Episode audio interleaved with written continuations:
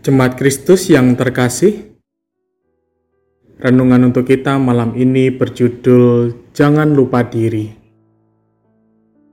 Dan bacaan kita diambil dari Ulangan pasal 6 ayat 10 sampai 16. Demikianlah firman Tuhan. Maka apabila Allahmu telah membawa engkau masuk ke negeri yang dijanjikannya dengan sumpah kepada nenek moyangmu, yakni Abraham, Ishak dan Yakub untuk memberikannya kepadamu kota-kota yang besar dan baik yang tidak kau dirikan, rumah-rumah penuh berisi berbagai-bagai barang baik yang tidak kau isi, sumur-sumur yang tidak kau gali, kebun-kebun anggur dan kebun-kebun zaitun yang tidak kau tanami, dan apabila engkau sudah makan dan menjadi kenyang, maka berhati-hatilah, supaya jangan kau melupakan Tuhan yang telah membawa kamu keluar dari tanah Mesir, dari rumah perbudakan. Engkau harus takut akan Tuhan Allahmu. Kepada Dia haruslah engkau beribadah, dan demi namanya haruslah engkau bersumpah. Janganlah kamu mengikuti Allah lain dari antara Allah bangsa-bangsa sekelilingmu, sebab Tuhan Allahmu adalah Allah yang cemburu di tengah-tengah kamu, supaya jangan bangkit murka Tuhan Allahmu terhadap engkau, sehingga ia memunahkan engkau dari muka bumi. Janganlah kamu mencobai Tuhan Allahmu seperti kamu mencobai Dia di masa.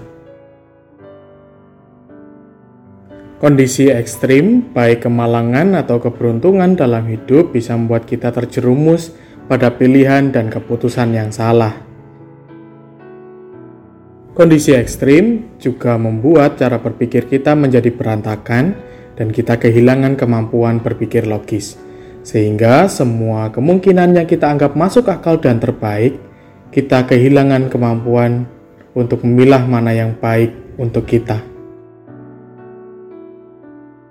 Musa mengingatkan bangsa Israel akan janji Tuhan yang akan dinyatakan akan membawa kemudahan bagi kehidupan Israel. Apa yang dipersiapkan Tuhan tidak membuat Israel memulai kehidupannya dari nol. Semua telah disediakan dan bisa dinikmati secara langsung. Karena itulah Musa mengingatkan bangsa Israel agar tidak lupa dengan kebaikan Tuhan yang luar biasa tersebut. Israel diingatkan agar tidak bertindak seenaknya dan semaunya sendiri setelah menikmati segala sesuatu yang terbaik dan lalu melupakan Tuhan.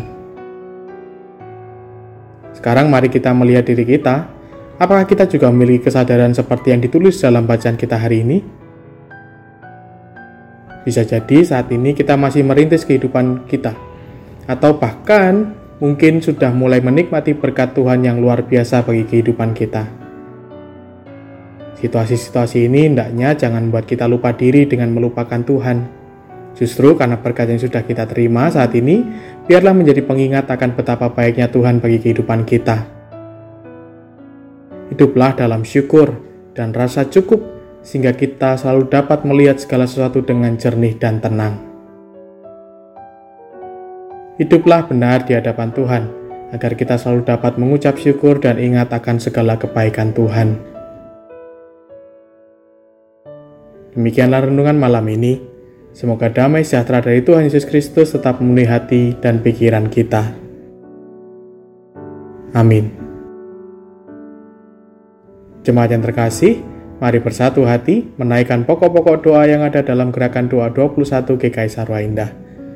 Mari berdoa.